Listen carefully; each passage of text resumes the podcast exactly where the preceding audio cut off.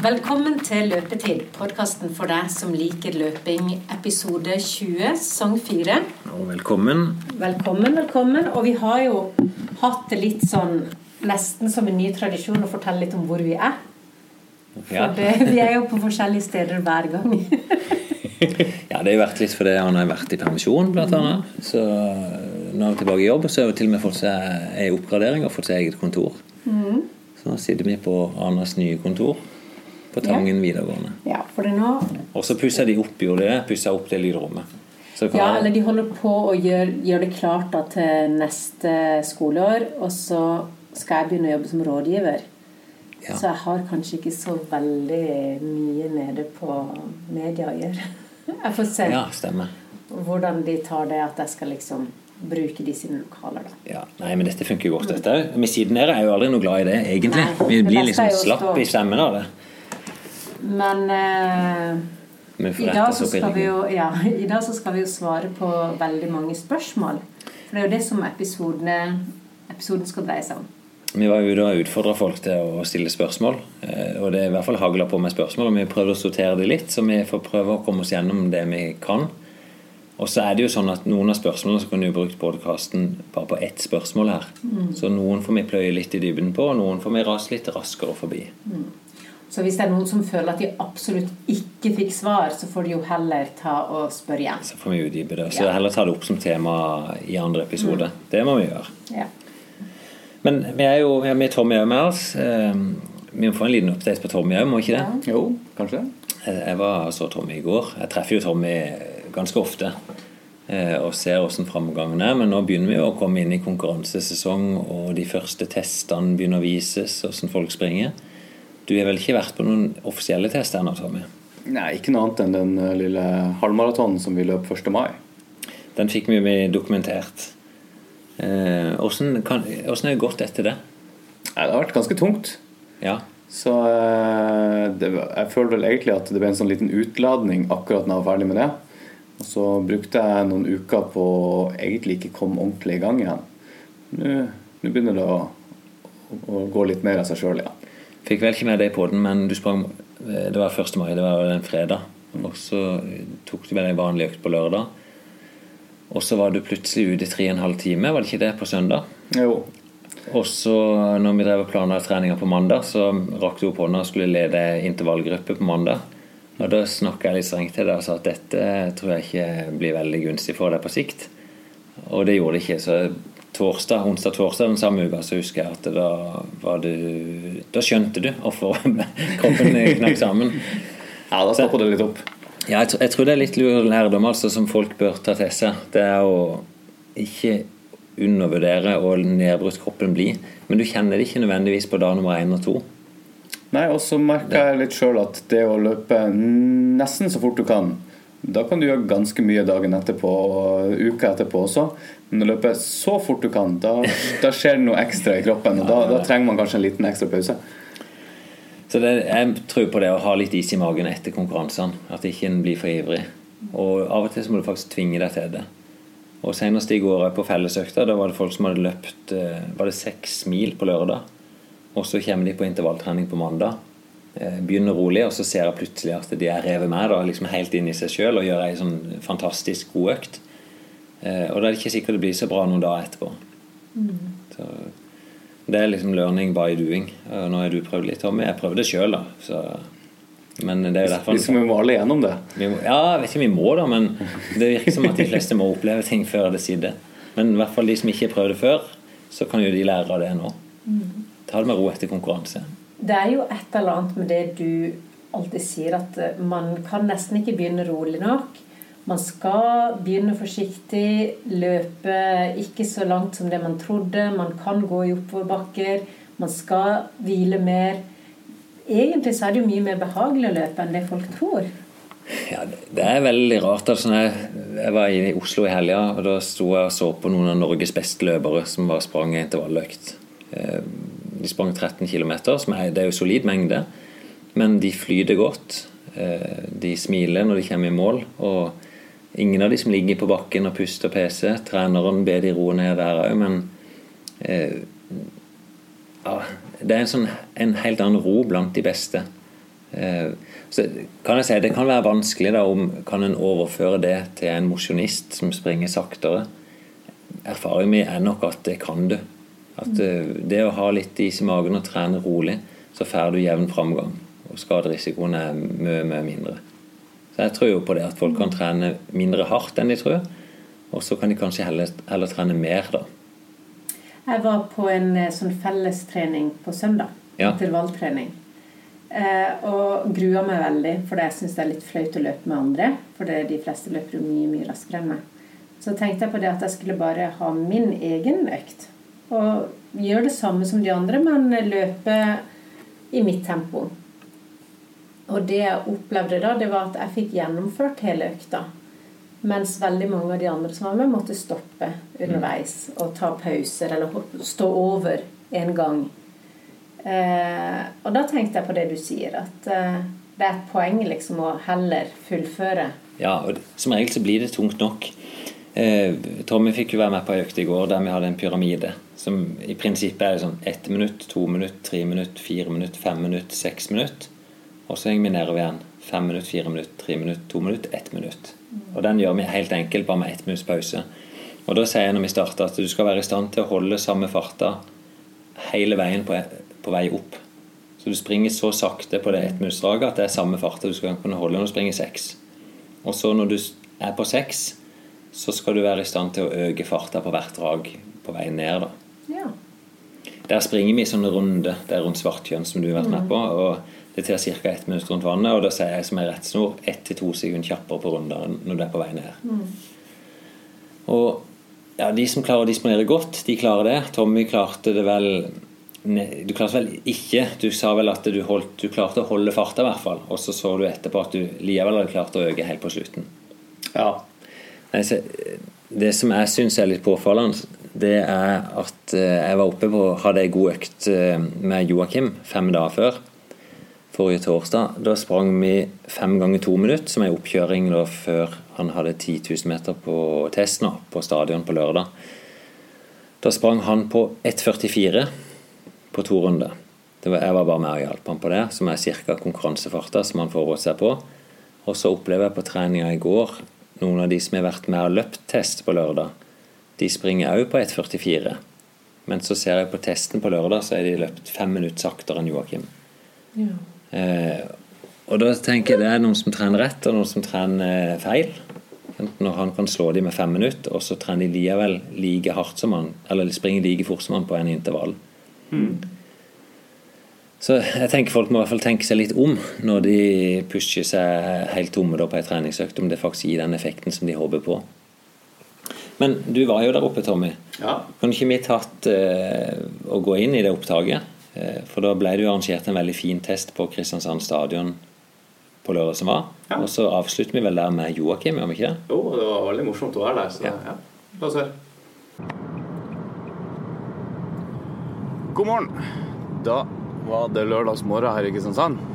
Klokka er ti på ti. Jeg er på vei ned til stadion som akkurat nå er bada i eh, morgensol. Eh, 11-12 grader og vindstille ute. Så skal jeg ned dit nå for å sjekke opp i en liten gruppe som jeg vet driver og trener litt sånn forskjellig. Det er egentlig, trener egentlig maraton til vanlig, men akkurat nå i denne vakuumtida vi har vært i nå, så har de tenkt at eh, kanskje de skal sette en eh, liten pers på 10 km, eller i hvert fall trene 10 km. Så i dag skal de ha testløp, den lille gjengen her. Det er ikke et offisielt løp, da, men det er jo 25 runder på stadion, og ja, det er jo ganske kontrollmålt og greit. Og hvis du da bruker din egen klokke, så får du jo tida di innenfor i hvert fall et par sekunder. Så nå skal jeg ned der og så se hvem som har kommet. Tipper det deler seg litt opp i gruppa, men det er vel fra sånn ja, godt under 45 på mila. Tipper sånn 2-43 kanskje. Og så kan det vel hende at det dukker opp noen der som har tenkt å dra på og komme seg ned mot et par og 30, kanskje. Det, da begynner det å gå veldig fort. Så vi tar turen bort, og så sjekker vi. Det tenkte jeg skulle få filma litt og kanskje fly litt drone. Det er gøy. Så um, ja. Jeg har ikke tenkt å løpe sjøl i dag. Det, jeg har trent litt med det i den uh, siste tida. Ti kilometer det, det er en distanse som jeg egentlig ikke liker. Jeg er mer fornøyd når jeg får lov å løpe 21 km enn 10 km. Så da tenker jeg at jeg står over denne, og så kan jeg heller være litt sånn social media guy today. Så vi hiver oss rundt, så ser vi hvordan det blir. Sånn. Jeg dukka opp her, og her var det jo en hel haug med folk. Det er jo litt gøy. Så eh, ikke alle her jeg faktisk kjenner heller. Så da Det blir bra. Gøy. Jeg er nok litt sånn på folkemunne også. Så hva kan det være her? Ja, 30-40 stykk, kanskje. Så er det ikke alle som er i, i denne maratongruppa, da. Men, men. Det blir bra. Skal vi se om ikke vi klarer å få noen eh, noen eh, målgangsintervjuer og litt sånt. Sikkert, eh, ikke sikkert alle har lyst til å prate her, men. Skal bare Så bare trekker bort her. Bare pass på bane 1 hvis det kommer noen eh, deg som driver og løper. Morgen. F- Formen fin? Nei. Nei. Jeg er ikke på plass i det hele tatt. Eh, Det er jo sinnssykt kult at eh, mange er klar for løpe. Og jeg tenker Dette er et treningsløp. Det er kun eh, vår egen klokke og vår egen kropp vi skal utfordre, og kanskje en kompis. Men vis hensyn. Det er andre som løper, og vi har ikke, ikke leid stadion. Ingen rettigheter fremfor andre. Og så får vi selvfølgelig passeringer, så prøv de som løper å ligge så nærme lista som mulig, så veien for de raskeste blir kortest mulig. Eh, Tommy starter, sier klar, ferdig, gå. Så deler vi i tre, som en del har sett. Ved at de raskeste under 38 starter først. Og når siste mann i den gruppa har hatt en runde, så gjør 38 40 gruppa seg klar og starter raskest mulig. Og så kommer 40 pluss-gruppa rett etter det. Der tror vi får ganske stor spredning, sånn at eh, de raskeste får litt tid før de begynner å ta igjen folk. Så hvis de som er i 38, nei, under 38 stiller seg bort med gjerdet der sammen med, med Jonny De som er i den midt 38 til 40 kommer her. Og de som er 40 pluss stiller seg bort med Gompen-skiltet. Så får vi delt opp gruppene. Er du klar? Klar, ferdig, gå!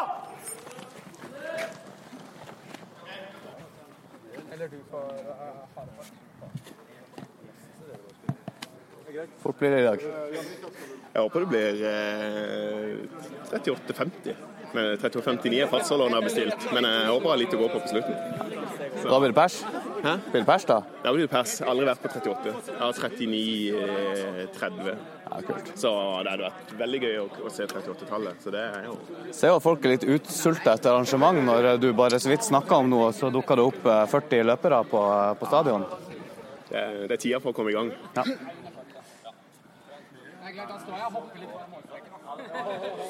Ok, Med en gang sistemann er forbi, så gjør vi oss klar. Erik først.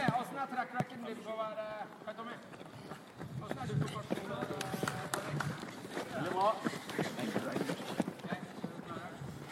Ja, der kommer noen til. etter Stefan. Stefan sist i den puljen. Stefan sist. Ja. Der gikk starten med en gang. Det var helt topp.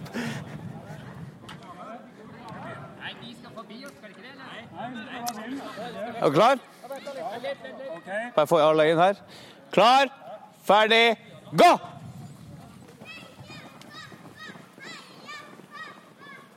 Nå ser det på deg når jeg sa at det så bra ut. At du så merka når du kom forbi. Har vondt i magen? Ja, det var så sting, så tenkte Jeg har hatt noen andre økter i år, men det har gitt seg. Ja, nei da. Det verste er at jeg har lyst til å løpe igjen nå. Ikke sant? Altså, det gir seg jo. Hva skjedde med deg? Gikk for fort. Turer av gårde. Det gjør hun. Kjør litt opptak. Ja. Hva syns du om dagen? Nei, det er mye folk, bra stemning, fint vær. Fint vær, ja. Ja. Mange som eh, prøver å løpe fort, og mange som løper fort. Ja. Jeg tror nok alle prøver å løpe fort. Ja, det er helt riktig. Men det er litt forskjellig nivå, da.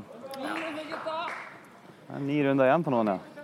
Men det som er bra her, er jo det at det er like gode prestasjoner av de som løper bakerst, som de som løper først. Ja, ja. Så det alle heier på alle. Det er jo på hver sin egen forutsetning. Ja. Det er litt kult, da. Det er jo eh, tydelig at folk er litt hungrige på arrangementene. Ja, og så er det vanskelig å følge med nå, da. For nå er det jo så mange rundt, og det er ikke noe klokke, og det er liksom ingenting. Da. Så det er litt uvant. Killar har ju inte, ja, visst det kan Se der. Ingen kommentar. Ingen kommentar. For en DNF. Ja, det ble det. Ja da, jeg kan må tåle det. Det er Ja. sånn som skjer. Bare, bare bare stopp. Jeg har et venstrebein som ikke alltid holder på lag. Ja. Som eh, har litt dårlig blod, blodsirkulasjon igjen, og intensiteten blir høy, så stopper det litt opp. Så det, liksom, det er det som skjer. Andre ganger når jeg løper på høy intensitet, så holder jeg meg til ultraløping. Litt lengre, litt saktere. Ja. ja det, jeg, sliter, jeg sliter med Det var nok akkurat kneppet litt for fort. Vi får slutt med 10 km syrevase, så får vi gå opp på 21 km. Halvmaraton jeg liker halvmaraton veldig bra. Halvmaraton er en fin distanse. Da slipper du å ligge og presse på syra. Da ligger du litt under. Ja. Du klarer vel å, det. du klarer vel å, kjøre et halvmaraton på 1,5 nå? Ja, det bør jeg gjøre. Jeg løp jo på 1,27 i Egersund her i mars. 1,27, 107. da Det, det var veldig bra. Så.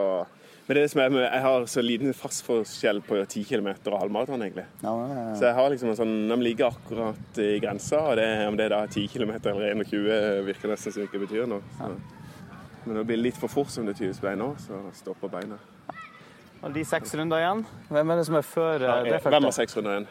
Erik har seks runder igjen. Seks runder igjen, ja. Men da er det vel ikke så Jon er jo Jeg så han her Men nå har det eh, gått 32, hvis vi begynte sånn omtrent heil. Han der. Der kommer Vegard, men hvem er han eh, peiser? Nei, han er aleine nå. Jeg tror Jonny har løpt ifra Vegard. Jan er der.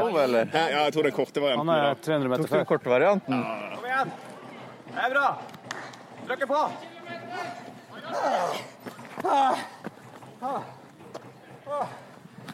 kilometer er ingenting! Det er kort grad og sånn!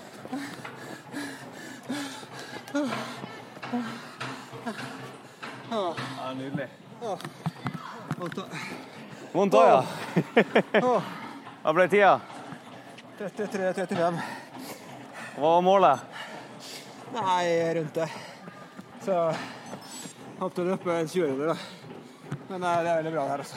Sånn, ja. Er du fornøyd? Hva ble tida? 35-49. Ja, bra. Så det var jo pers, så da kan jeg ikke være altfor misfornøyd. Pers er bra. Pers er alltid bra. Men jeg hadde jo håpet å komme under 35. Så det, ja. Ja, det er bra. Men jeg var ikke for god nok til det. Eh, Det er tungt det der å ligge på syra hele, Ja, hele løpet. det er noe annet enn å løpe intervaller. Skal vi ta en sånn eh, Hva føler du nå? Ja, er det på nå? Jeg er på. Ja, jeg, eh, jeg føler jeg er fornøyd med løpet, men eh, ikke med tiden. Ja, Hva kom du inn på? Jeg kom inn på 34,45. Det er jo ikke noe å skamme seg over. Målet Målet må komme ned mot 34, men eh, jeg innser at jeg må ha en hare til det. Og kanskje litt mindre folk. Ja, du løp ganske mye alene? Ja, jeg løp stort sett alene, bortsett fra de to første rundene. Så blir det litt sånn at du må ut i bane tre en del ganger. Da. Ja, det er jo gøy, selvfølgelig, men du taper kanskje litt på det. Men samtidig er det motivasjon å løpe forbi folk. Ja, du har alltid en rygg å Ja, du har det. Så eh, det er ingenting å klage over. Det er kult at det kommer så mye folk her, da. Ja, veldig bra. Det jo, du ser jo at folk er gira på å løpe fort.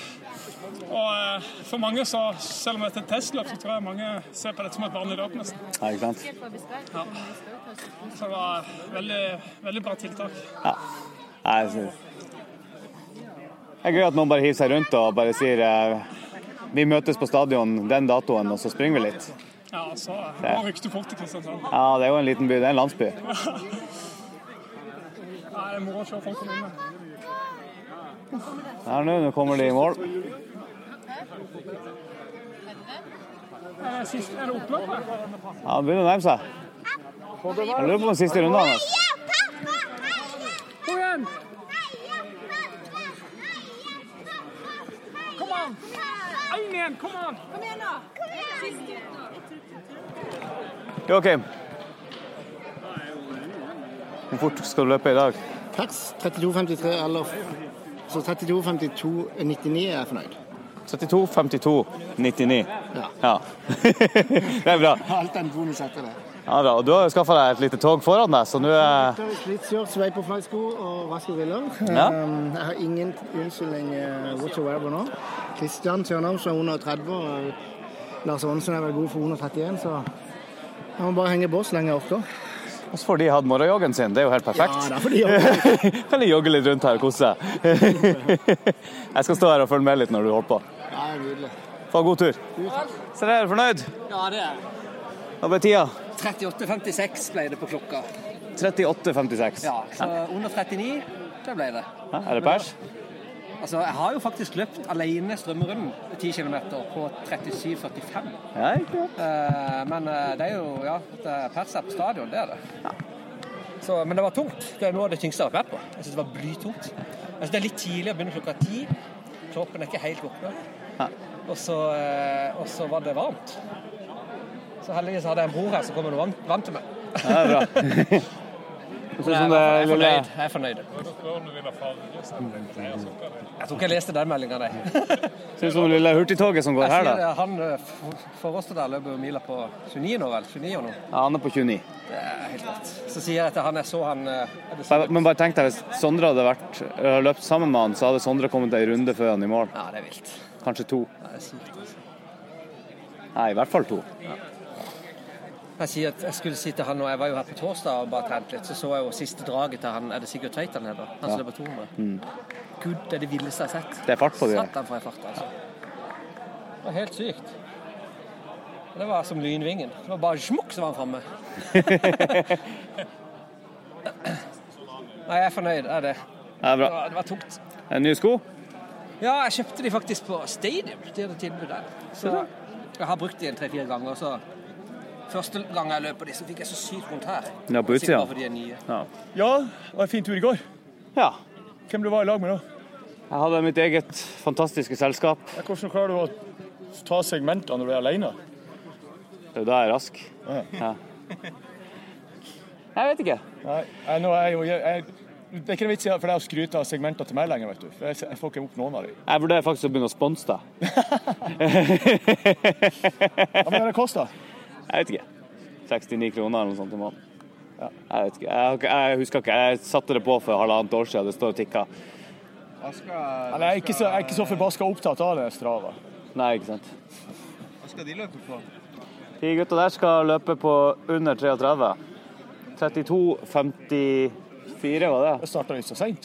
Ja, de kjører sitt eget tog. De skulle egentlig De hadde sin egen plan her. Ja, så de var ikke med oss i det hele tatt? Nei. Men hvem er det? Det er Joakim egentlig som skal perse. Det, så har han tog i det er, Hva sa du? Joakim òg? Joakim han ligger på nummer tre. Det er han som skal perse. Så Kristian drar Joakim, det, Ja. det er de to liksom? Jeg kjører om det.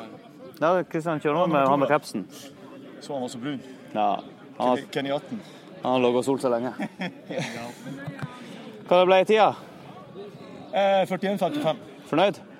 Eh, ja, altså, når jeg kom det, Du vet, det er din skyld, egentlig. Det er min skyld. Jævla kuk. Ja, men det er bra. Fordi at når jeg kom her rett før start, så sa jeg at jeg var usikker på farta. Så sier du ja, peis på. Så gjør jeg jo det. Ja. Da la jeg meg i fire blank. Jeg skulle egentlig legge meg på 4,15. Ja. Og 4,15 som var planen, det er jo 42,30. ja. Så sånn sett så er jeg jo fornøyd. Men det er jo elendig, et elendig disponert løp. For jeg starta jo på 3,55, 3,59, 4,01. Så går du bare saktere og saktere. Jeg, jeg så du eh, sakka ned på mot slutten der, ja. Ja, etter tre kilometer så måtte jeg jo slippe gruppa. Fire blankgrupper. ja. Og da tenker jeg at eh, det er helt greit gjennomført. Jeg var, jeg var veldig usikker på om jeg skulle stille i det hele tatt pga. kroppen ikke har respondert i det hele tatt de siste uka etter sykdommen. Ja. Jeg er overbevist om at jeg har et eller annet som ligger og lusker. For at jeg får det muskulært, jeg svimler, jeg får krampe på plasser som jeg ikke bruker muskler. Har du tatt koronatesten? Ja. Da har du, ja. Ingenting? Nei. Nei, ikke sant? Men jeg fikk, jeg fikk Marius til å ta sånn generell helsetest. Alle, sjekke blodverdiene på jern og mineraler og sånne ting. Ja. For jeg er helt sikker på at det mangler et eller annet etter den sykdommen. Eller enten er så er det sykdommen som ikke er helt gått ut av kroppen ennå. Det kan jo ta litt tid. Ja, det er jo ei uke siden jeg ble frisk. Så Ja vel, Renje. Har du ikke lyst? Nei? Det var et riktig valg, Ja. tenker jeg. Nei, det, det, tramper. det fenger meg ikke så veldig å løpe på syre hele tida. Nei, det sånn. Nei, Det så ikke ut som du eh, koste deg når du kom i mål. Men når du får krampe uten å ha gjort noe, Etterpå, ja. Hva ble tida? da er det noen ting som er feil, tenker jeg. 4.40-40. Måtte få.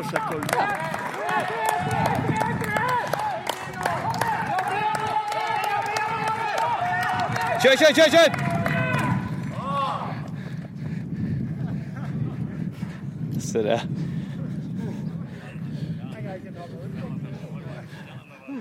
Ja, Joakim og, og Lars side om side.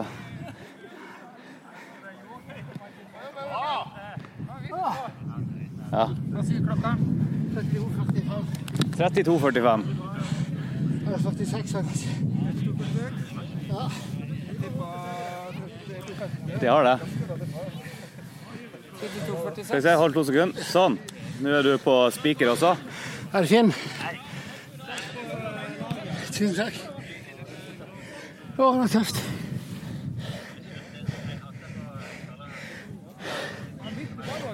Ja. Ja. Ja, ja, ja, på banen og alt. Nydelig fornøyd.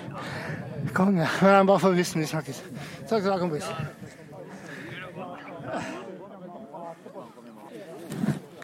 Grattis, Joakim. Det var jo en duo som var De manipulerte meg til å orke. Kristian og Lars bytta på å dra. Og bytta på coach og Jeg tror de skjønte at en periode der så var det lurere å trekke ned fart. Derfor så jeg spurt. Ja, og gjorde det der. Men kan du fortelle litt? Da løp vi 3.20 i stedet for 3.16. Så vet vi at Joakim alltid har litt siste runden, så vi kunne tillate oss å roe ned litt der. da. For ellers hadde han sluppet å fått det. Men du var, du var bak og prata med han rett på slutten Ja, det var nå Lars òg, men uh, det, det var, viktig, det var vikt, viktigere å ha folk uh, bak og foran enn bare foran. fordi hvis du har en rett bak som pusher litt i skuldra, så, så blir det litt sånn erta opp. da. Så det er greit å ha en mann bak der som, som viser at du kommer ikke lenger bak nå. Ha. Det er nydelig. Hva føler du nå? Spy. Spy, ja. ja men det er bra. Da er, jo, da er du på merket. Men du var litt tidlig tung, syns jeg. Du etter to kilometer begynte du å si Tung, og så holdt det bare så jevnt tungt. Og Ja. så kom det litt på slutten igjen. På 78 runder så var det litt, plutselig litt bedre stemning. På-. På rundt seks kilometer så begynte du å se ut som du uh, var, var på jobb og ikke bare var ute og jogga. Hei, det er timen òg. Var det det som ropte? Jo, i runder så Kom igjen, Joakim, sa vi. Kom igjen, pappa. Hei. Kom igjen, pappa, sa vi. Da ble det rett fra idrettsmann til pappa på uh, ett sekund. Det er deilig. Men Tommy, Ja. er, er det ok å være Det hørtes ut som det var jo ikke akkurat få på stadion. Nei, det, var jo, det var jo litt folk der, og så, så, så ja Det var vel rundt 50 stykk, vil jeg anta. Så det er jo kanskje OK. Ja, Det er lov å være samling av 50 stykk, er det ikke det?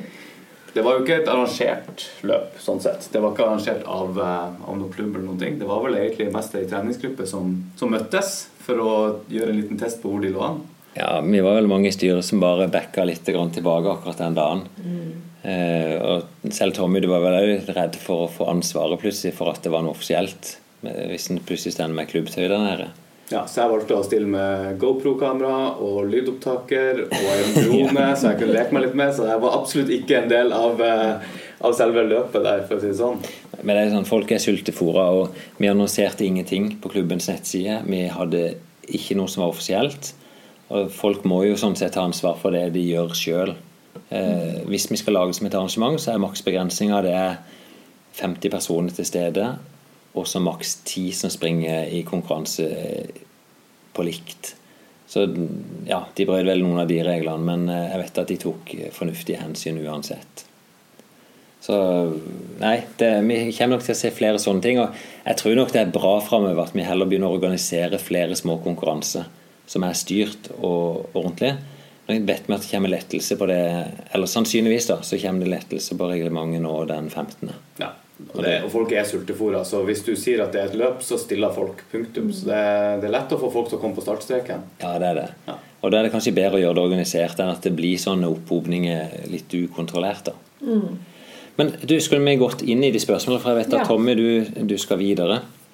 Vi har fått inn ganske mange spørsmål her, og noen av de kan du bruke mye tid på. Eh, skal jeg, jeg bare notert ned litt. Kan ikke du ha din eh, telefon i beredskap der, Tommy, for å kunne se på noen av spørsmålene?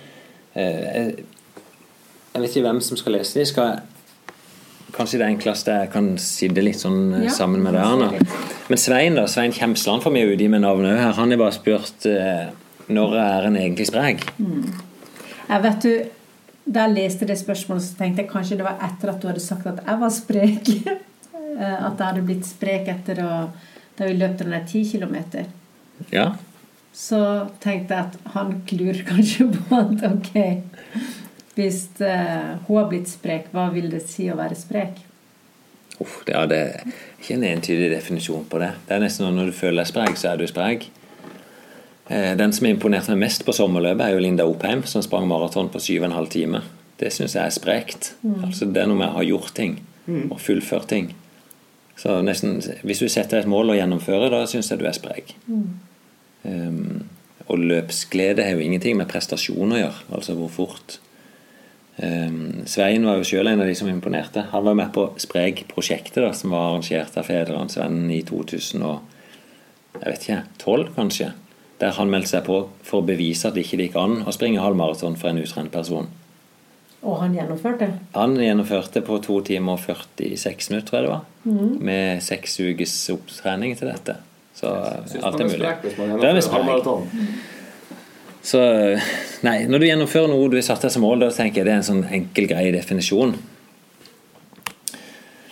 Anna, skal du ta og lese litt her? Uh, ja, da eh, er det Anonym som lurer på hva man kan gjøre for å øke testosteronnivået. Når man driver med mye utholdenhetstrening. Eh, målt veldig lave nivåer i godt over to år. Eh, kan dere si noe om det? Jeg kan ikke. Ikke jeg heller. Fint. Det kan jeg. det, det er et kjent problem det for eh, de som trener veldig mye. Eh, De kan slite med testosteronnivåene. Ak akkurat offer det, er nok litt sammensatt. altså. Kan, selvfølgelig kan ting være spiserelatert, at ikke du har fått i deg nok. eh, Men òg når ikke du får hvilt nok, så blir det en utfordring. Eh, Nå vet jeg ikke akkurat hvor mye han karen her trener, men når du begynner å presse kroppen sine grenser på kanskje 15 mil og opp i uka, så må en være litt mer bevisst. Og det viktigste er faktisk bare å sove nok. Det funker. Og så jeg diskuterte dette med en del andre trenere, og, og særlig sprinttrenerne de mener jo at du kan øke testosteronnivået bare med ren styrketrening. Altså tung styrketrening. Ja. Og så, Jeg vet ikke om det funker i praksis. Da blir det nesten som å si at det er et rykte. Eh, Det enkleste ville jeg sagt nå i hvert fall ta en tur til legen din og teste. Eh, Det er jo hvis en, det, er, det er en sånn flau bivirkning på det. For at når en mann får lavt testosteronnivå, hva er liksom kjennetegnet? Det er jo dårlig sexlyst, f.eks. Eller Mm. kanskje sexprestasjon, at ikke du får den opp. Eh, aner ikke om det er tilfellet her, eh, men eh, ta en sjekk hos legen. og så Det finnes jo et testosterontilskudd som de gir hvis det er for lavt. Mm. Også normalt, Du kan ikke konkurrere, og, og det er jo noe folk bruker i doping, men hvis du er en sykdomstilstand, så kan du jo fylle på, da. Men eh, faktisk hvile og mer eh, Hvile og ernæring, altså, det er det viktigste. altså Sørge for å få inn det du skal ha. Protein, og karbohydrater og fett. Så kroppen må være i balanse. Det er nummer én. Mm. Og så må en nødvendigvis redusere i trening hvis en ligger og slåss helt oppe på grensa. mm. Ja. Ja. Da er, det, da er det jo til den ene av gangene som du testa Veslemøy. Ja. Lurer bare på én ting. Dere justerte opp motstanden på romaskinen. Vil ikke det nesten måtte sammenlignes med å løpe med ekstra stigning på en mølle? Altså forstyrre resultatet når det gjelder fart? På samme måte som man ikke klarer å løpe like raskt i motbakke, vil man vel ikke klare å ro like fort med høyere motstand? Hvis målet er å finne en terskelfart på romaskinen, bør vel den være en standardinnstilling, som jo er viktig på mølle. Man burde kanskje eh, bruke samme innstilling som man ville brukt i konkurranse. For å finne terskelpuls vil det jo funke, da. Ja, og så skal jeg beklage om dette var skivebom. Prøv å forstå konseptet. Må Jeg jo innrømme, jeg klarer ikke å huske hvilken test dette var, for jeg har jo vært eh, flere ganger med Vesle med og testa og, og justert. Men hvis det ikke er helt feil der, så justerte vi bare opp etter oppvarming. Og så gjennomførte hun på det samme. Men vi skal, nå må jeg bare tenke litt høyt. For det, det blir ikke likt på en romaskin eller stagemaskin som på tredemølle. Eh, For her er det sånn at når du justerer opp motstanden, så får du mer igjen på effekten. Altså når du bruker mer Mm. Ja. eh, Så, og til det lettere så må du dra hardere for å oppnå samme fart. Um, men jeg er jo helt enig i at hvis du skal gjøre en test for laktatprofil, så ville jeg jo definitivt gjort det på samme motstand hele veien. Og det var det jeg tror vi har gjort, altså. Så hvis vi har gjort noe annet, så får jeg beklage det. Um, men jeg har jo vært med på mange, mange rare økter med disse crossfit-folka. der de, Målet er jo ikke nødvendigvis terskelfart, det er jo å være så nært det de gjør i konkurranse som mulig. Og der kan de jo velge hvor stor motstand de vil ha. Om de vil ha lett og må stage mer, eller om de vil ha tungt og må stage hardere. Så jeg skjønner at dette var ikke noe veldig bra svar, men det var det jeg klarte å huske. Um, ja, så uh, Problemet nå er jo at uh, jeg det er stikkord. Ja. Ja. Eh, Jeg har den der progresjonen. Ja. Kan ta og lese den. Uh, ja. Skal vi se, så har vi et spørsmål på Instagram her fra en um, Eivind C. Hvor viktig er progresjon i et treningsprogram mot et bestemt mål, la oss si 10 km? Skal eh, man si seg fornøyd med at man klarer å opprettholde en god mengde og variasjon i treninga, eller bør man også etterstrebe progresjon så lenge man tar økning eh, i mengde og intensitet gradvis? Jeg vet ikke om jeg skjønner hele spørsmålet. og Hvordan tolker du det, Tommy? Jeg tolker det litt som at uh, om man enten skal begynne å eh, skal trene på, på den farta man skal lande på til slutt Ja, sånn, ja. starten eller om man skal, skal, skal øke farta etter hvert i, i Ja, som, som spørsmål om som hvis du skal springe 10 km på 40, mm. som er 4 minutter på kilometeren, om du begynner der, liksom på den farta, og så trener du på den farta lengre og lengre, Mhm. Kontra det også heller trene variert da, på både mengde og intensitet, og så gradvis nærme deg den farta. Mm. Det er et godt spørsmål. Det har du vel sittet i mange timer og snakket om. Ja, det definitivt. Eh, Det er mange som har prøvd på den der eh, varianten der, der de liksom bare Du begynner ok, nå klarer jeg to kilometer, neste gang skal jeg klare tre. Eh, Som regel så klarer det ikke lenger enn kanskje til seks eller syv, da, og så stopper det bare opp av seg sjøl. For det er jo en brutal måte å trene på.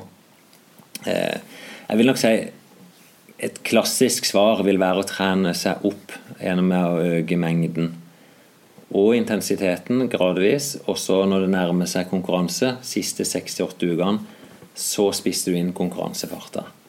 Hvis den kan være så generell altså på det spørsmålet. Eh, Jeg kjenner ikke noen som med suksess eh, lykkes med en sånn modell der du bare springer på konkurransefart i månedsvis for å komme nærmere eller komme lenger og lengre. Men du gjør det typisk i en 6-8 uker. Mhm. Og så virker det som det nå er en liten peak der. Jeg hørte en medisinstudenter en gang som løp der treninga hans var 3000 meter all out. Det var to, to ganger i uka. Ja. Eh, det ble jo ikke helt det samme, for det var liksom så fort han klarte. Og, så, og han ble ganske god. Han sprang ned på 8-20-tallet på tredemølle, riktignok. Okay. Det begynner å gå fort, egentlig. ja, begynner å gå veldig fort. Og så er det jo ikke helt sammenlignbar, For da, når du er oppe i den farta, så slipper du veldig mye luftmotstand. Mm. Og sånn jeg forsto, så sprang han på flat mølle. Eh, men det endte med at han meldte seg inn i Tjalve og begynte å trene med de. Så, han eh, oppnådde et ekstremt bra nivå på den type trening. Og så er det sånn med alle som kommer og sier at de trener nesten ingenting og har gode resultat, så viser det seg som regel at de gjør noe mer. at de jogger til jobben eller sykler til jobben, eller så er de med i noe annet i tillegg. Så jeg, det er ikke alltid jeg er med på det at folk trener så lite. Jeg syns løpetrening det er jo veldig normalt, i hvert fall. Så gi det det resultatet du fortjener. Så eh, har vi her et spørsmål fra Mile, som Ja. lurer på eh, sånn, Takk for, eh, for en strålende podkast. Det er jo gøy å høre. Skal vi se eh, Når det kommer til løp, så bør man etterstrebe å oppnå en negativ splitt. Det er en påstand, da. Ja, Hvor- Og negativ splitt, vet vi hva det? Jeg vet ikke hva det er. Nei? Ja, Vi vet det, Tommy. vi vet det. Det er lenge siden jeg har fått det til. Ja, Det er når du avslutter raskere siste halvdel enn det du åpner på første halvdel. Så hvis du skal springe At på en, du løper fortere på slutten enn i begynnelsen. ja, så hvis du skal springe på en time da, på, et, på en 10 km, så at du kanskje åpner på 31 minutter, og så avslutter på 29, f.eks. Og da er spørsmålet her hvor mye forskjell bør det være på en 10 km på første halvdel kontra andre halvdel? Ja. Um, jeg vil si, det fins nesten en fasit på det. Det. Jeg ser, De beste løperne de forbereder seg som et utgangspunkt på å springe nesten nøyaktig på det de halvparten av sluttida. Mm. Så skal du springe på 30, så åpner de ca. på 15 minutter. Det er nok ganske fasit. Eh, og hvis de heller noen vei, så heller de heller å åpne kanskje 5-10 sekunder saktere.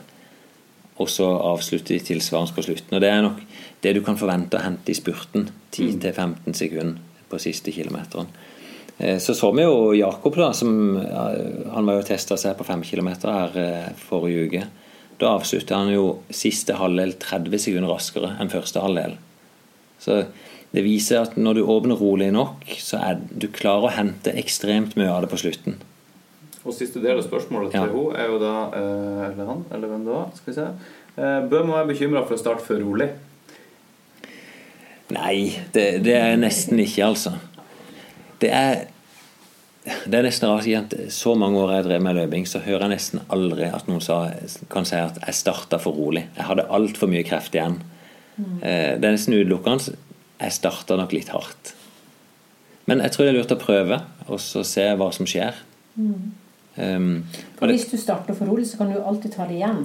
Men hvis du starter for hardt, så kan du ikke gjøre noe annet enn løpe veldig seint. ja, for å si det sånn, det fins nesten ingen grense for hvor, mye du kan tape Mm. på slutten hvis du starter for hardt. Um, og så er det jo selvfølgelig en grense for hvor mye du klarer å hente igjen, men um, du kan hente veldig mye når du, når du innser det at det nærmer seg målet.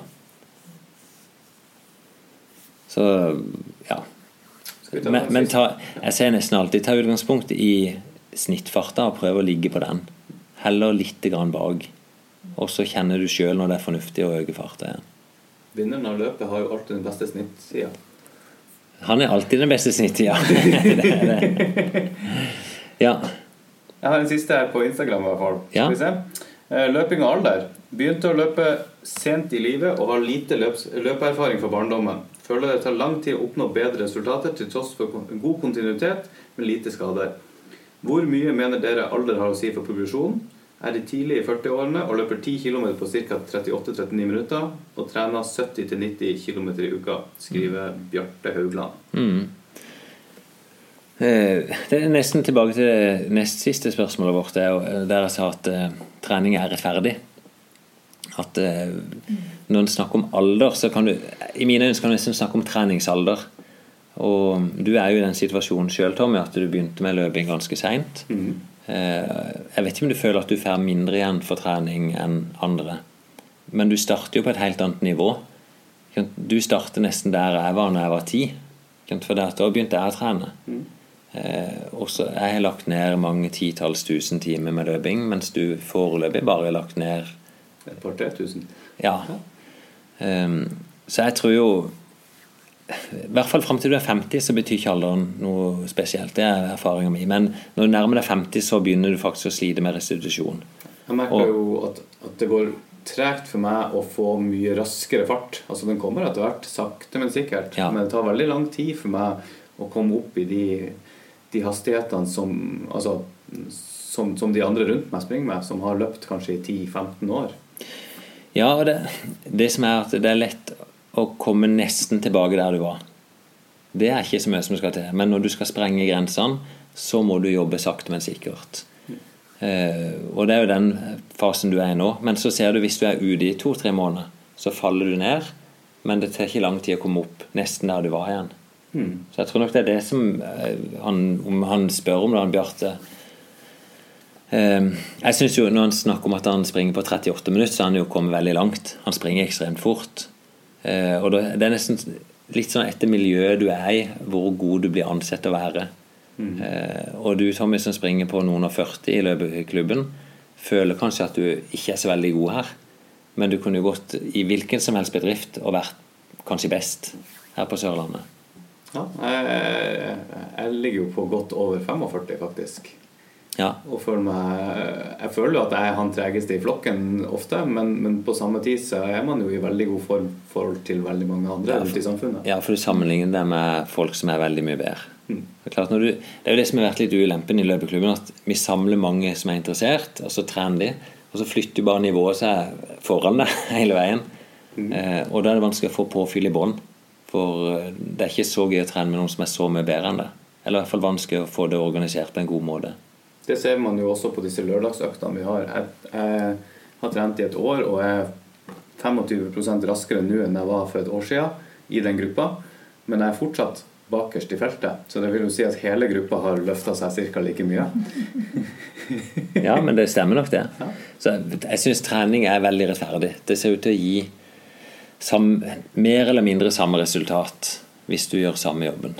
Mm. Eh, Selv om folk ikke alltid vil påstå at de gjør det. da. Men det er mitt syn som trener. Jeg har sett veldig veldig mange som holder på å trene.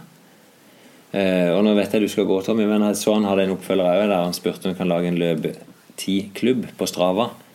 Eh, Og det er jo en måte å sammenligne seg med likesinnede på. Der har de òg på Strava så har de jo vektsegment, har, eller vektklasse, og du har aldersklasse som du kan sammenligne med, og kjønn. Vi får ta oss og opprette en liten eh, løpetidklubb, f.eks. Mm. noen som melder seg inn i.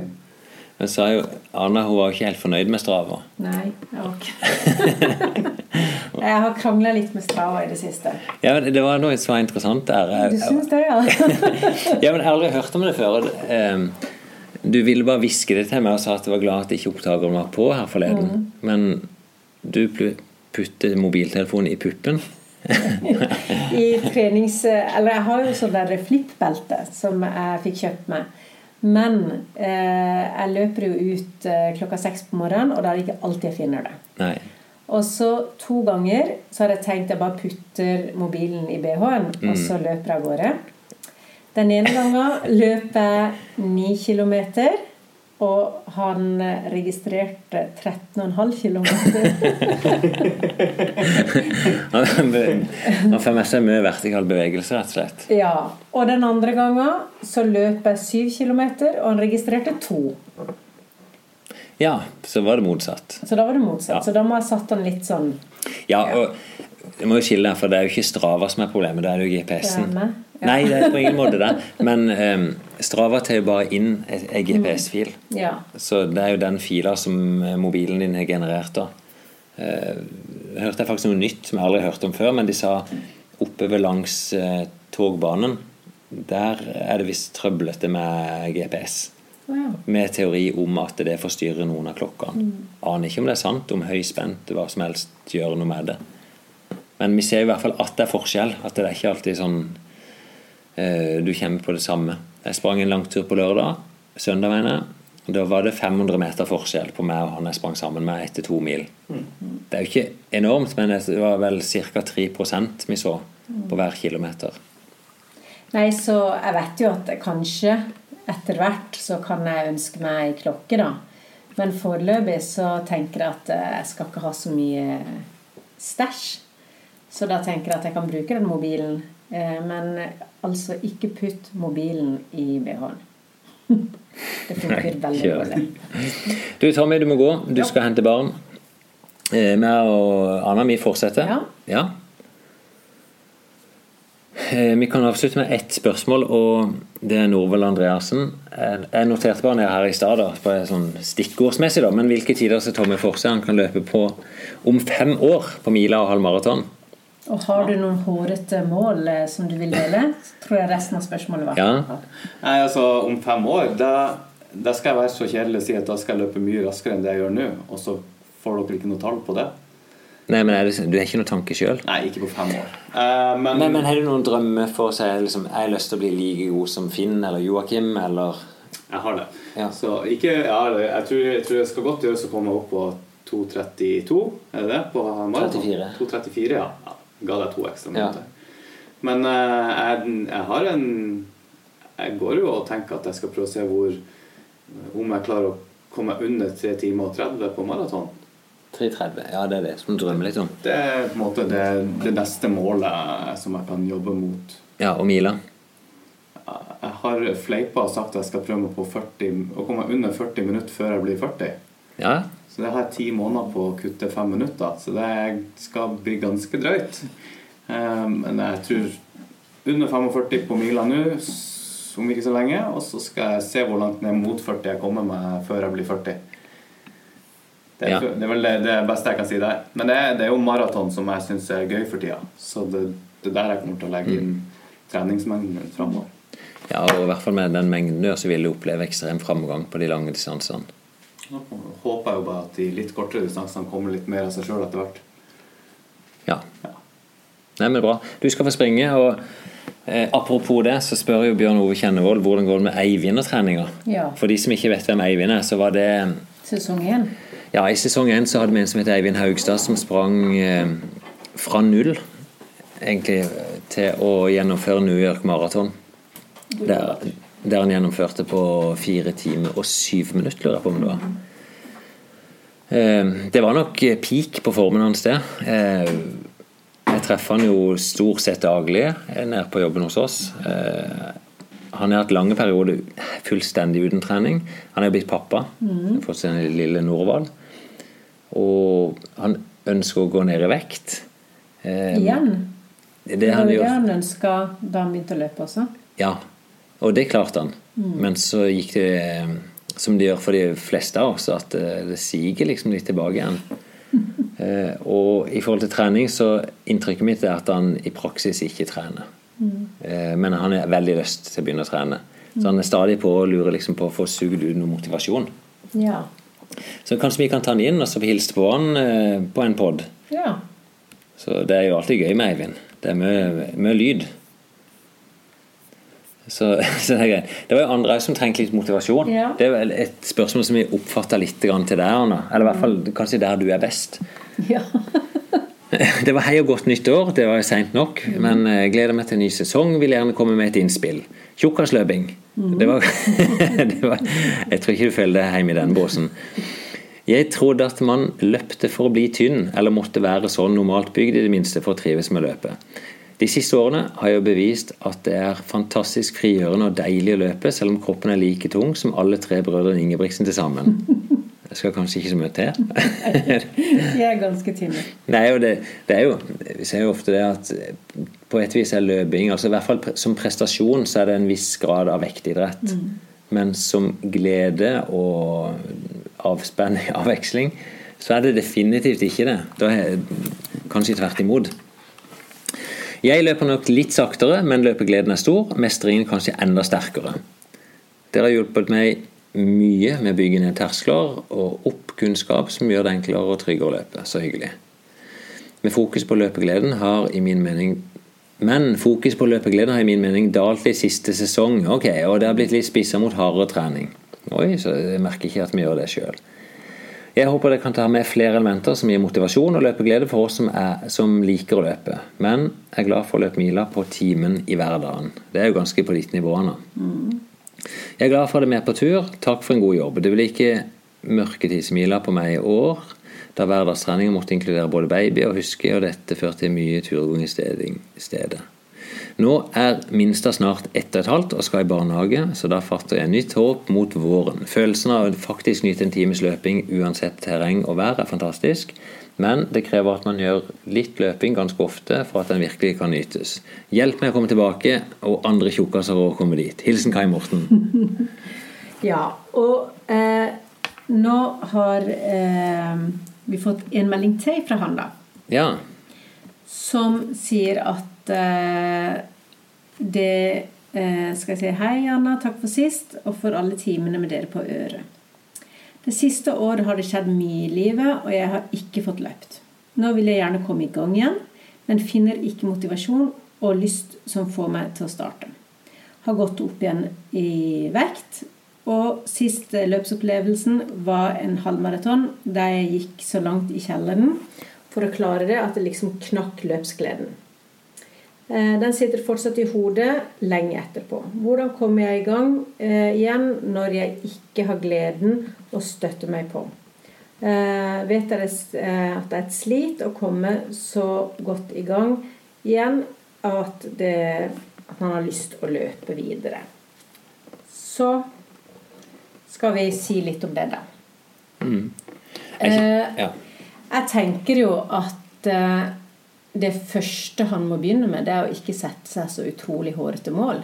Og begynne å eh, si at eh, ok, akseptere at eh, eh, det er tungt å løpe. Han trenger ikke å løpe ei mil. Han kan løpe to kilometer. Han kan begynne eh, sakte og forsiktig.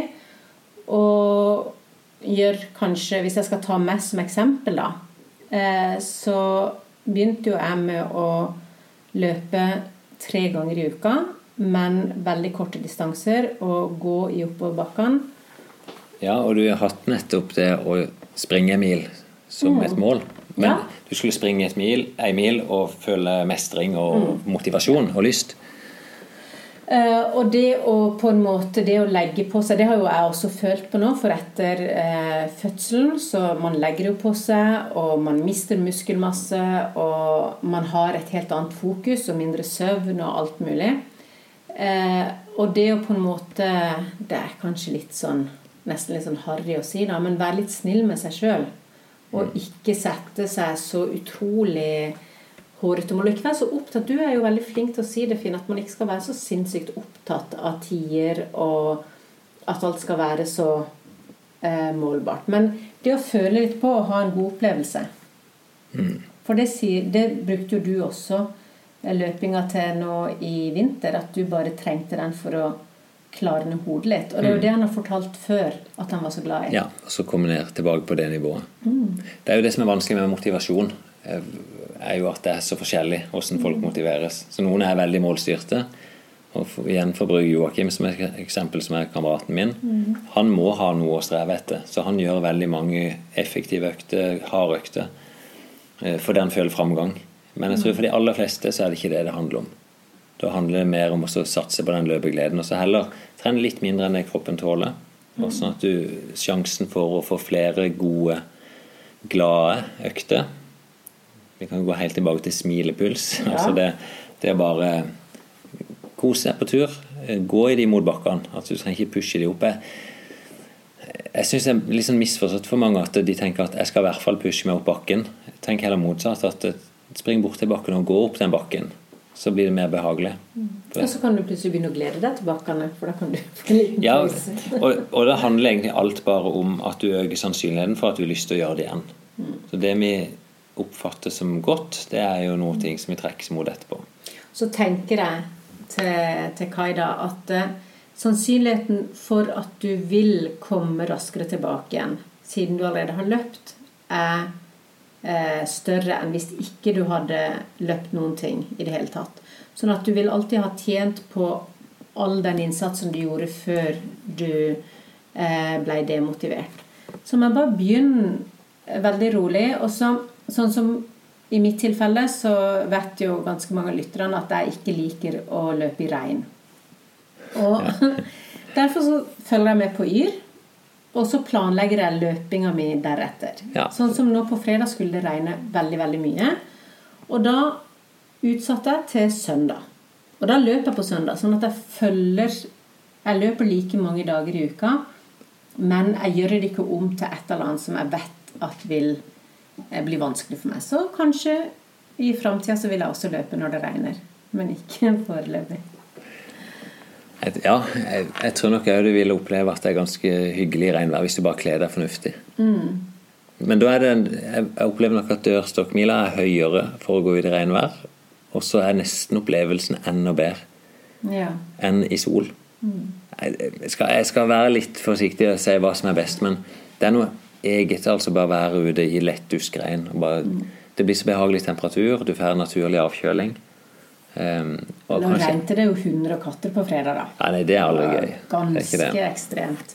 Men i hvert fall så er det det å ikke være så eh, Vi har jo mange diskusjoner på det hjemme. For det er han som er gift med, han er veldig opptatt av tid. Eh, og veldig opptatt av å skulle makse og alt dette her. Sånn at eh, han skal alltid vite hvor mange kilometer jeg har løpt, og hvor lang tid jeg har brukt, og så kan han regne ut hvor mye jeg har brukt på kilometer når jeg kommer inn. Jeg trenger du ikke bry deg med. Mens for meg så har ikke det noen ting å si.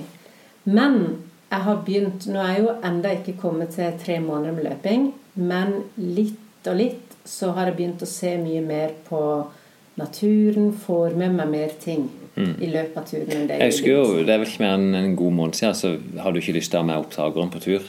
Nei. For du, jeg vet ikke om det er pusten og alt dette som Mm. du stresser med.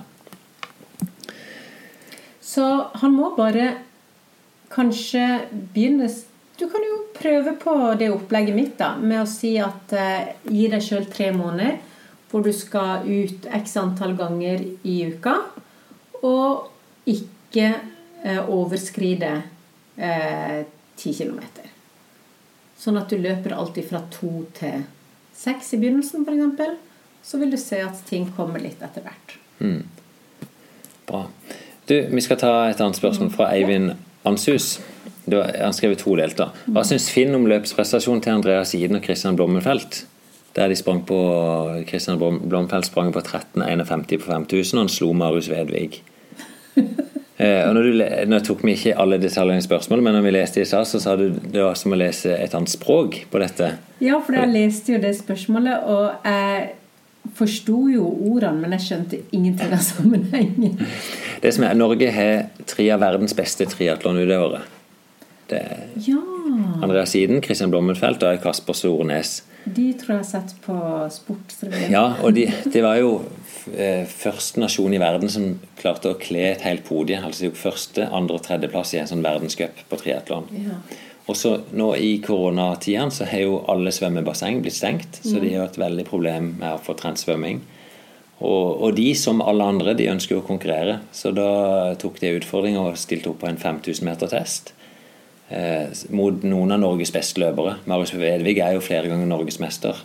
Og skal vi si om han ydmyka med å, at triatlonutøverne var foran og sprang på 13,51, som er ganske brukbar tid på 5000 meter. Eh, og det endte jo med at det ble enda et løp der de reiste over fjellet til Oslo og så var deltok på dette persløpet som ligger i nærheten av Jessheim. Eller Eidsvoll, jeg vet ikke akkurat hvor det er. Men eh, eh, der de kjørte enda en litt mer sånn offisiell duell. Eh, og igjen så var det triatlonutøveren som var best. Ah, ja. Eh, Riktignok så sprang ikke Kristian like fort. Han sprang på 13,59 med Kasper Stornes rett eh, hakk i hæl og Andreas Iden hakk i hæl. Um, så de viste jo at de definitivt er habile løpere. Og mellom disse to løperne òg så var det jo noen som klarte å slenge ut en påstand, og det var coachen deres på Olympiatoppen som en, eller i hvert fall som kom ut i media med at de nærmest var på Ingebrigtsens nivå. Mm. Eh, og det var masse debatter rundt det. Det har ikke du fått med deg? Nei, og- det er jo litt sånn ok, sammenligne prestasjoner. Friidretten er jo grei sånn at vi kan veldig enkelt sammenligne prestasjoner. Eh, og nå hadde jo akkurat eh, eh, i hvert fall eh, ja, det, ja, begge Ingebrigtsen-brødrene vært og løpt i, oppe på Jessheim. Og da hadde de løpt på 13,29, var det vel. Eh, Yngstemann løp på 13,30 nå på Henrik. Så er spørsmålet er du på samme nivå, eller er du ikke på samme nivå. Eh, de er nok ikke det, men de er gode løpere. Veldig gode løpere. Eh, og det er jo sånn, Jeg har hatt med både Christian Blommenfelt, jeg har hatt med på EM terrengløp, Andreas Iden, jeg har hatt med på i hvert fall nordisk mesterskap i terrengløp. Så dette er jo gutter som kan løpe fra før. Så det er ikke noe, på ingen måte overraskende at de driver og slåss med Marius Vedvig. Og kaller de de nest beste eliteutøverne i Norge. Der er våre beste triatleter like gode. Er det fordi de er så av de tre grenene så er de flinke løpere? Eller tror du de er like flinke svømmere og syklere som løpere? Nei, Det vet jeg rett og slett ikke. Det er jo på, på et vis vil jeg si at det er jo på et sånt nivå de må ligge på for å være på toppnivå i triatlon. Når de springer i triatlon, så er distansen normalt 10 km for dem. Og, og der må de ned rundt 29 blank for å være blant de beste i verden, og det vet vi jo at de gutta er. Mm. Og det er det samme nivået som Vevik og gutta er på. Så det blir liksom, Hvis noen blir sjokkert at de slåss med de, så tenker jeg de kanskje ikke fulgt godt nok med i timen. Men jeg kjenner ikke nivået deres på sykkel og svømming. Jeg vet at Kristian kom fra svømming, sånn, men da snakker vi jo helt tilbake til tidlig ungdom. Jeg lurer på om Andreas gjorde det samme. Så, og, og Kasper Sornes, som òg er Han var jo plassert midt imellom disse gutta. Han er jo òg fantastisk. Og Det var faktisk han som vant det verdenscupløpet når de, når de tapenserte pallen. Det er i hvert fall veldig imponerende med triatlon. Eh, Ja, Å være og det, så god på det, det er nok, i hvert fall av, av de som jeg kjenner, så er det nok de som trener aller mest. Mm. Eh, Det kreves enormt for å bli god i triatlon, og de legger ned ufattelig med timer.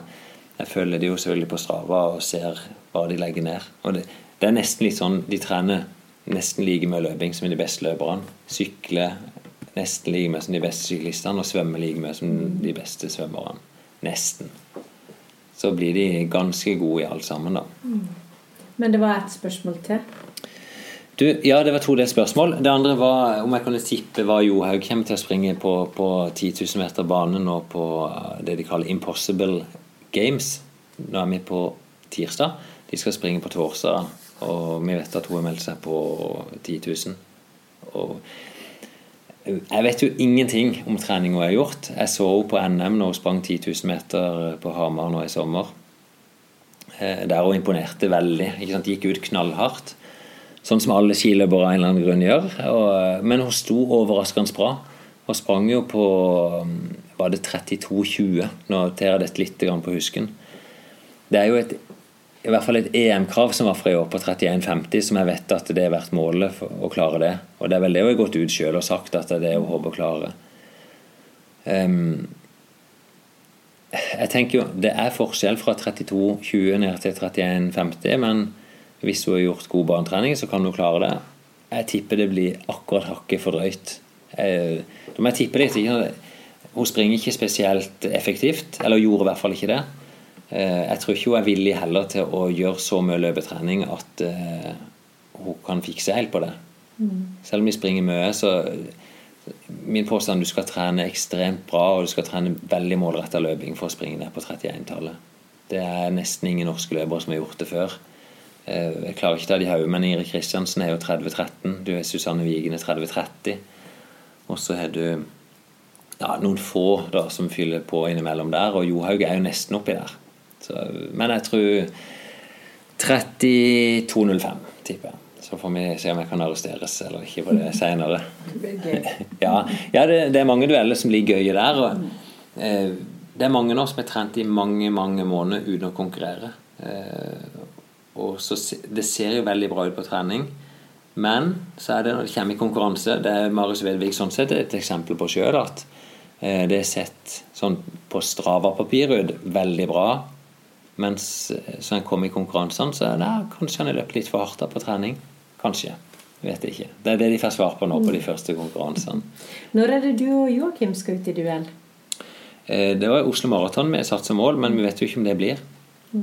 Eh, Vi har vedda på hvem som er best på halv maraton. Mhm. Han har jo tatt et megajafs. Jeg var sikkert to minutter før han for to måneder siden. Nå er han to minutter foran meg. Eh, Han trente veldig godt, men han har jo ikke noe å gå på. Altså på han har jo ribba kroppen fullstendig. Eh, eh, Og han trener godt, men han har fortsatt mer trening å gå på. Men det jeg egentlig vedder på, er jo at ikke det her kommer til å holde for han. Han har fått seg baby. Han, skal, han begynner jo i full jobb igjen i august. Eh, og da kan jeg sette inn støtet. Der kjører min vante trult. Så ja, Og jeg har jo jeg, jeg vet ikke om du klarer å se det, men jeg har jo gått opp fem kilo. Eh, og det kan jeg jo ta igjen. Ja så du, du det, Dette her er liksom haren og skilpadda som konkurrerer her. Jeg tror vi bytter litt på den, men sånn tradisjonelt mellom meg og han, så har jeg vel vært den steieren som jeg jo drevet med dette hele livet. Mens Joakim er litt sånn av på. Mm. Og veldig på når han er et mål i sikte. Så for min del gjelder det jo at ikke den duellen blir så veldig viktig for han. så, så kan jeg ta han.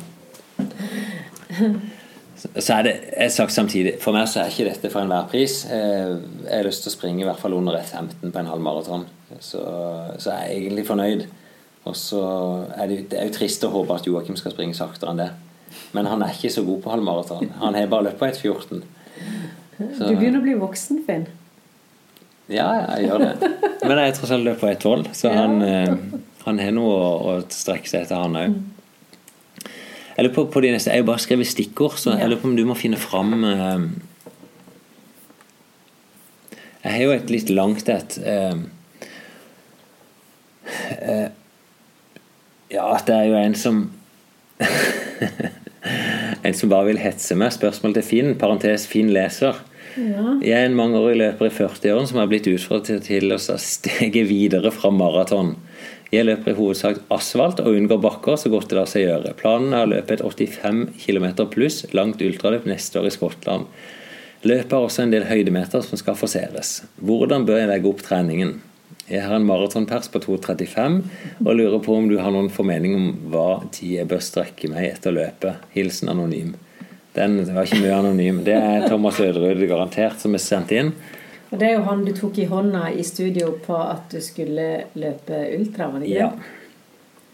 Eh, Det ble jo, jeg ble jo skada i fjor, så det var jo litt derfor det ble vanskelig å stille opp. Eh, Og så er jeg bare strekt og strekt på det. Jeg har ikke lyst til å springe ultra. Men eh, det ene er jo løp på 2,34 da, i hvert fall på maraton. Så det kan ikke være helt med. Og så er han litt frekk når han skriver ja, ja, hovedsak asfalt. Det, for min del, hvis jeg skal kommentar på det, så er det jo jeg er veldig praktisk i forhold til trening. At jeg trener der jeg er, og det er enten hjemme eller på jobb. Det er sånn 90% av øktene mine. Og da blir det med asfalt. For det er ikke sånn Altså, jeg springer alltid innom skogen på et eller annet vis, men det er asfalt bort og asfalt tilbake. Eh, og jeg, har vært inne på Strava og sett i forhold til høydemeter. Han skrev at jeg unngår bakker så godt la seg gjøre. Jeg er nok en av de i klubben som springer er i hvert fall på den øvre halvdelen i forhold til å springe høydemeter. Men disse ultrafolka de er jo på jakt etter høydemeter, så der når de jo ikke til knærne sånn i utgangspunktet. Eh, Så jeg prøver ikke å unngå bakke, men jeg velger bare løyper som er i mitt område. det vil jeg nok si. Men jeg kjenner folk som prøver å unngå bakke så godt lar seg gjøre. Det. Men det blir, dette er jo bare jabbe. Eh, hvordan bør jeg legge opp treninga?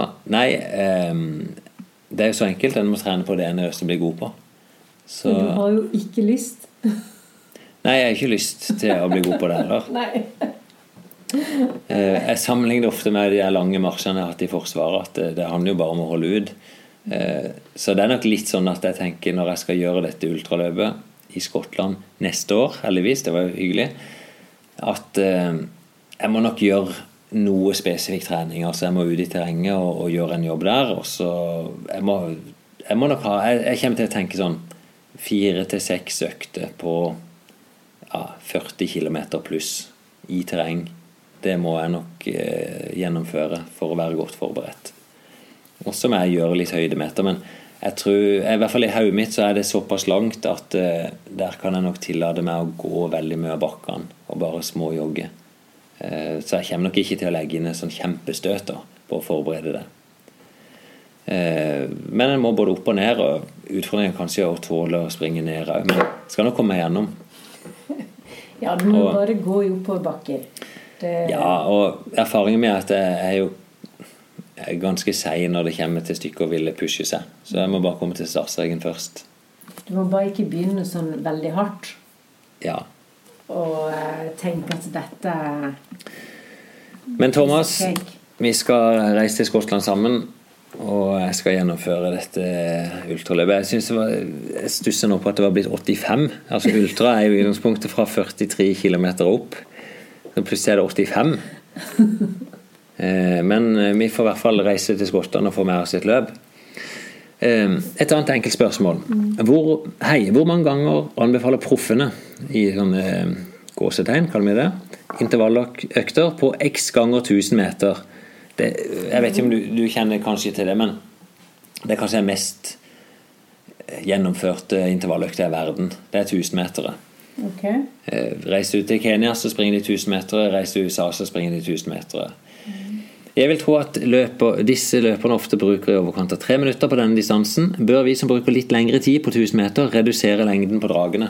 Altså at de springer tre minutter. Men jeg trodde at det var sånn fire ganger fire som var liksom det som alle gjorde. Å, come on. Nei, det, det er det ikke. Nei. Men Nei, nei. vi, start, vi, um, vi, vi kan gå tilbake til det. Men først i forhold til 1000-metere.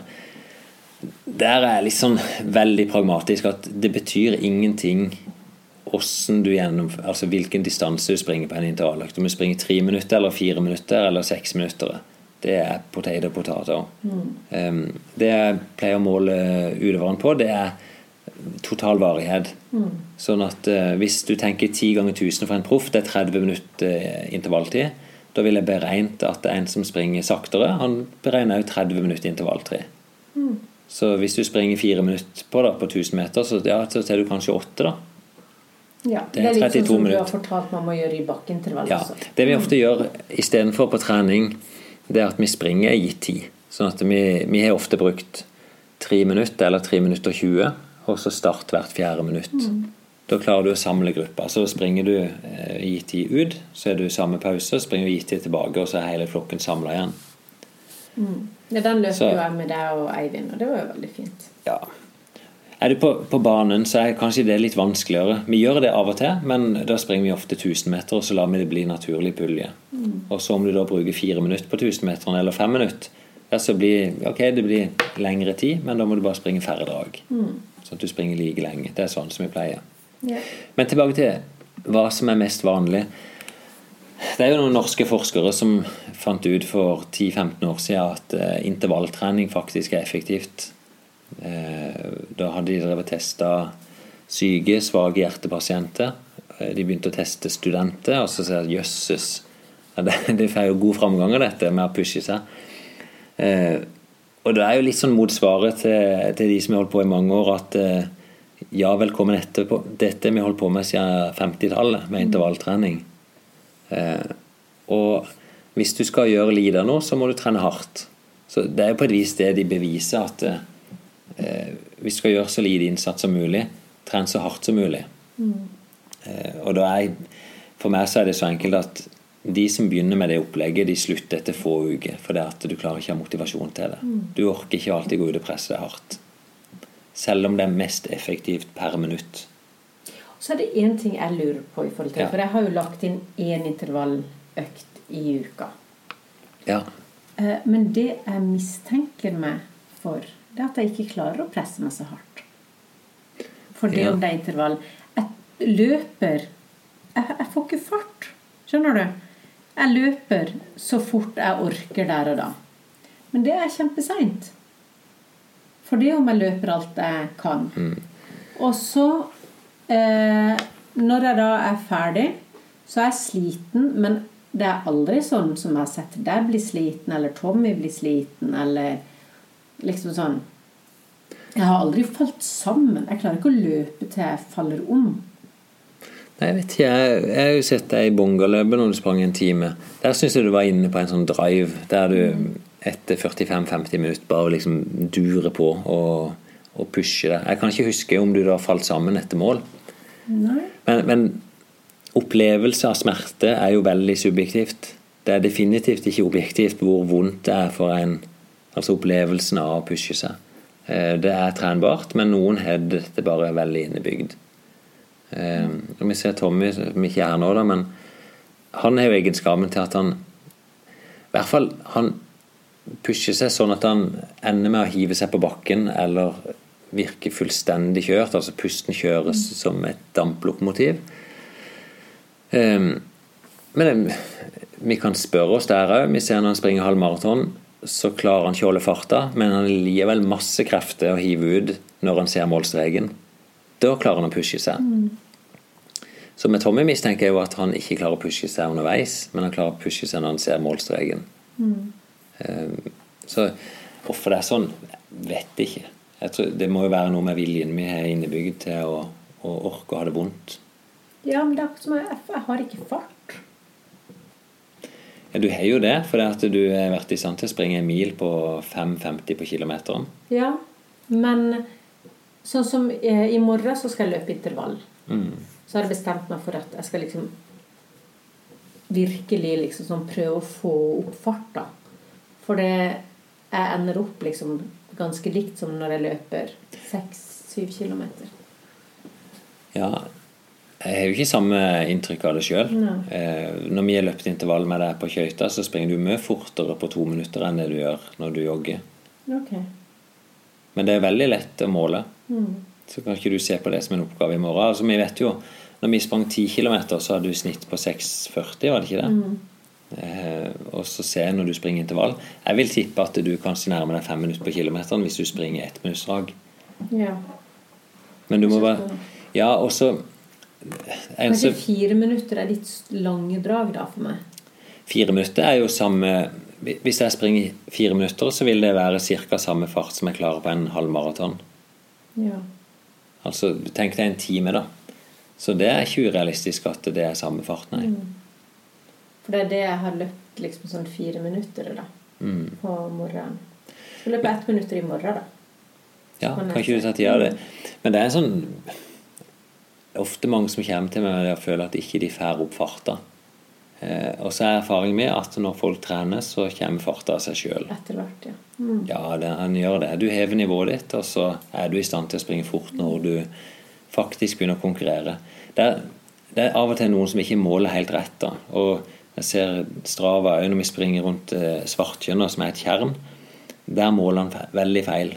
Mm. Så der du opplevelsen er å springe i 3.10-3.15 fart, plutselig så viser han kanskje 3.50 på GPS-en. Eh, og vi springer jo så mye i ulike områder at vi vet ca. hva dette gjenger. Det blir som jeg ser den økta til Joakim der han springer på 1,44 på to runder, så, så vet vi ca. hva det tilsvarer.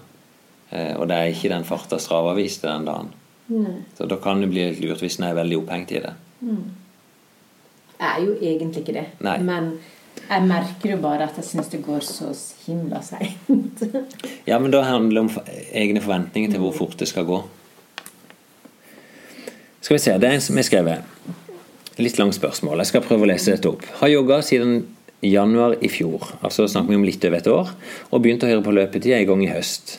Jeg har fått mye inspirasjon, motivasjon og gode tips fra dykk. Jeg hører episodene. Det er lenge siden jeg har lest på nynorsk. Ja. Eh, ja, høyre episoden kronologisk. Så jeg er bare kommet til ca. sommerløpet i sesong tre. Men jeg så da de skulle ha en spørsmålsepisode, for en gangs skyld har jeg spørsmål. Lurer på om de kan snakke litt om matinntak under lange treningsturer. Jeg har ennå aldri tatt med meg mat eller drikke på joggetur, og vil helst ikke ha med meg bagasje. Men da jeg skulle springe halvmaraton første gang, parentes alene, for løpet ble jo avlyst pga. koronatiltak, så kjente meg helt tom for energi etter ca. 19 km. Da hadde jeg sprunget ca. 1 time og 45 minutter. Klarte å holde farten helt fram, men det var to vonde kilometer. Eh, Finn Kolstad har jo flere ganger sagt at det ikke er vits å ta med sin egen mat på konkurranse, og ledda pysete pappskaller som tar med seg drikkeflasker på trening. Men nå for tida er jo alle løp virtuelle, og i hvert fall uten drikkestasjoner, så hva skal vi gjøre når løpet varer lengre enn glykogenlageret? Regner med at det ikke hjelper å springe litt fortere for å rekke fram før en er tom. Er det skadelig å ikke ta med mat eller drikke på lange treningsturer, eller er det bare vondt? Eh, er veldig tett i pappen hvis jeg holder fram med dette. Kan det, òg ha positive effekter, f.eks. at kroppen lærer seg å forbrenne mer fett? Hilsen Kjetil. Det er jo mange spørsmål og mange påstander inni her. Ja.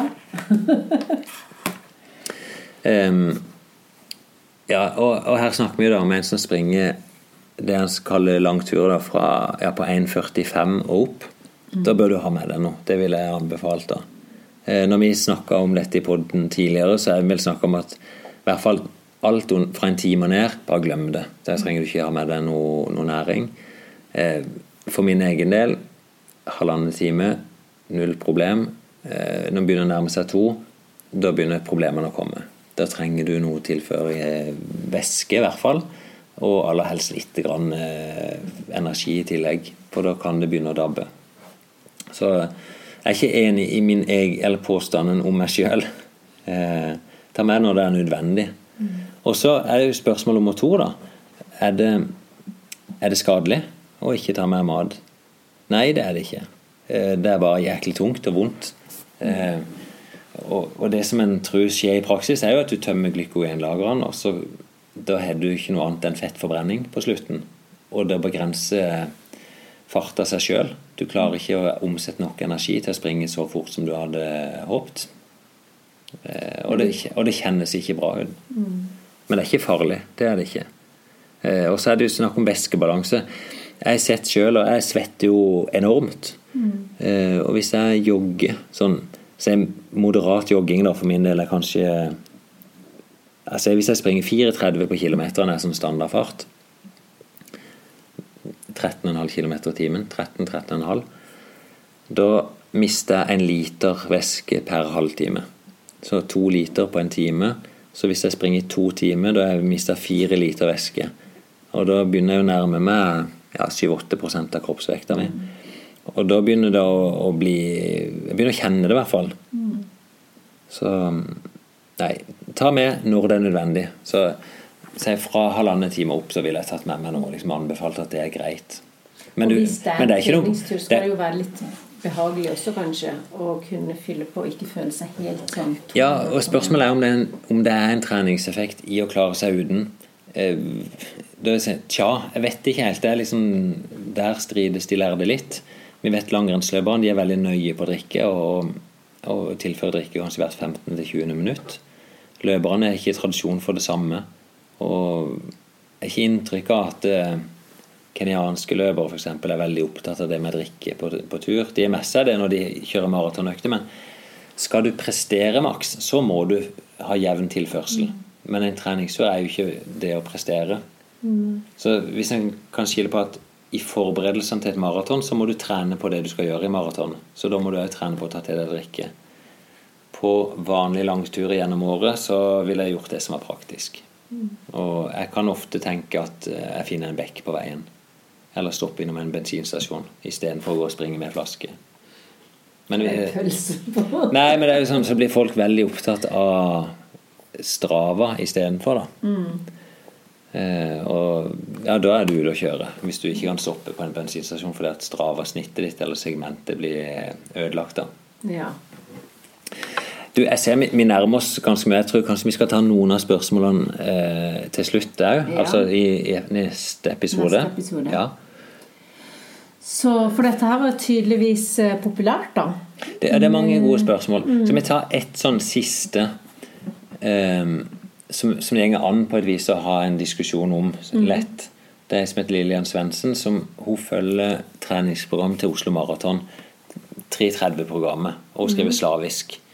Eh, og så syns hun det er utfordrende, for det de er litt, det er oppfattet som litt slappe i benevnelsene. Hva er rolig, hva er moderat, hva er hardt?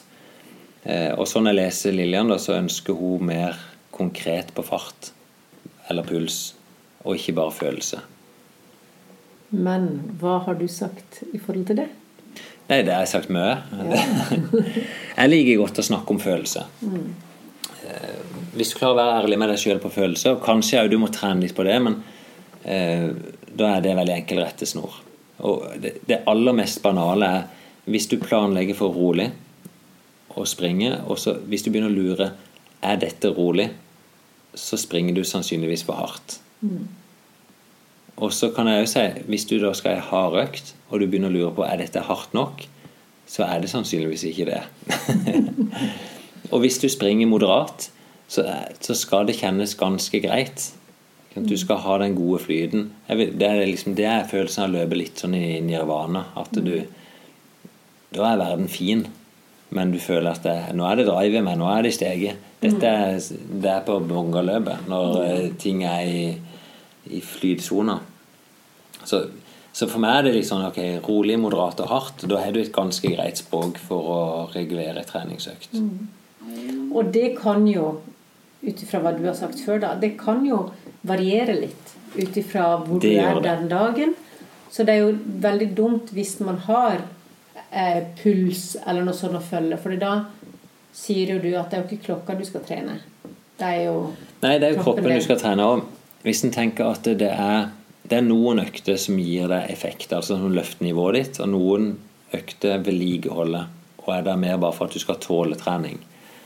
Eh, hvis en tenker litt enkelt, da, så kan du tenke at det er intervalløktene eller hardøktene det er de som løfter nivået ditt. Da skal du trene ganske hardt. Eh, og hvis de rolige øktene er så harde at ikke du presterer godt på de harde øktene, ja, da er den rolige verdt for hard. da. Mm. Og det er jo det av og til en kan snakke om sånn suppetrening. Det er når all treninga blir ganske lik. At du klarer ikke skille på om det var intervall eller en løpetur. Mm. Eh, Og der er ofte de, de beste løperne best. Altså de skiller på dette. Og så er det, det er jo fortvilende som trener òg, for det, det er jo sånn når du føler at nå, nå begynner jeg å få kontroll på dette. Så kommer du ned til Kenya, og så sitter du med Sondre Nordstad Moen, og så har han endra på treningsopplegget sitt. For da er, liksom hans erfaring at ja, etter ti år på dette nivået, så tåler jeg ikke flere kilometer, men jeg tåler mer fart. Mm. Så springer han mer moderat enn han gjorde før. Der han tidligere sprang mye veldig rolig eller hardt, så springer han nå veldig mye Jeg kaller det moderat, da, på grensa til moderat. Em, for å få nok stimuli. Men da må vi ha et lengre program for å gå inn i, liksom, i dybden på det. Men for vanlige folk, og da skal du springe et maraton på 3.30, syns jeg det begrepsapparatet er veldig fint. der. Mm. At uh, du har lett, moderat og hardt. Og så får en bruke litt tid på å bli kjent med seg sjøl, åssen det kjennes ut. Mm. Og det er jo sånn vi bruker de laktatmålerne. Det er for å kalibrere følelsen. Altså hvordan kjennes du når du krysser terskelen? Mm. Og det er jo veldig interessant, og, for det er jo der du egentlig også kan se om du har blitt i bedre form. Mm. Det er jo hvis den terskelfarta går opp, da. Ja, hvis du kan springe fortere på samme laktat- eller melkesyrenivå, så er det blitt bedre. Ja. På langdistanse, fra 1500 meter opp. Okay. Kan ikke bruke dette til å teste sprint eller 800 meter-egenskapene dine. Men nå har jeg i hvert fall fått svart på en del spørsmål. Så kan vi jo si at eh, neste episode, da kan vi jo ta en tur og høre hvordan det går med sålene mine. Du har vært godt i gang med Svolvane. Det ser Ja. ut som du er gnagsår på hælen din òg Ja, du ser, du ser, ser det. Ja, det var etter joggeturen i går. Ja. Med såler. ja, og så tenker vi kan snakke litt om sommerløpet. Mm. Så vi har gjort noe justering på der. Vi skal snakke om stadionmila. Jeg har lyst til å komme inn på. Ja. Um, Men det går jo an å sende inn flere spørsmål, for da blir Det er lov å komme med flere spørsmål, selvfølgelig. Oppfølging på det. Og så kommer vi kanskje til å ha noen andre spenningstema. Ja. Da er det bare ut og løpe.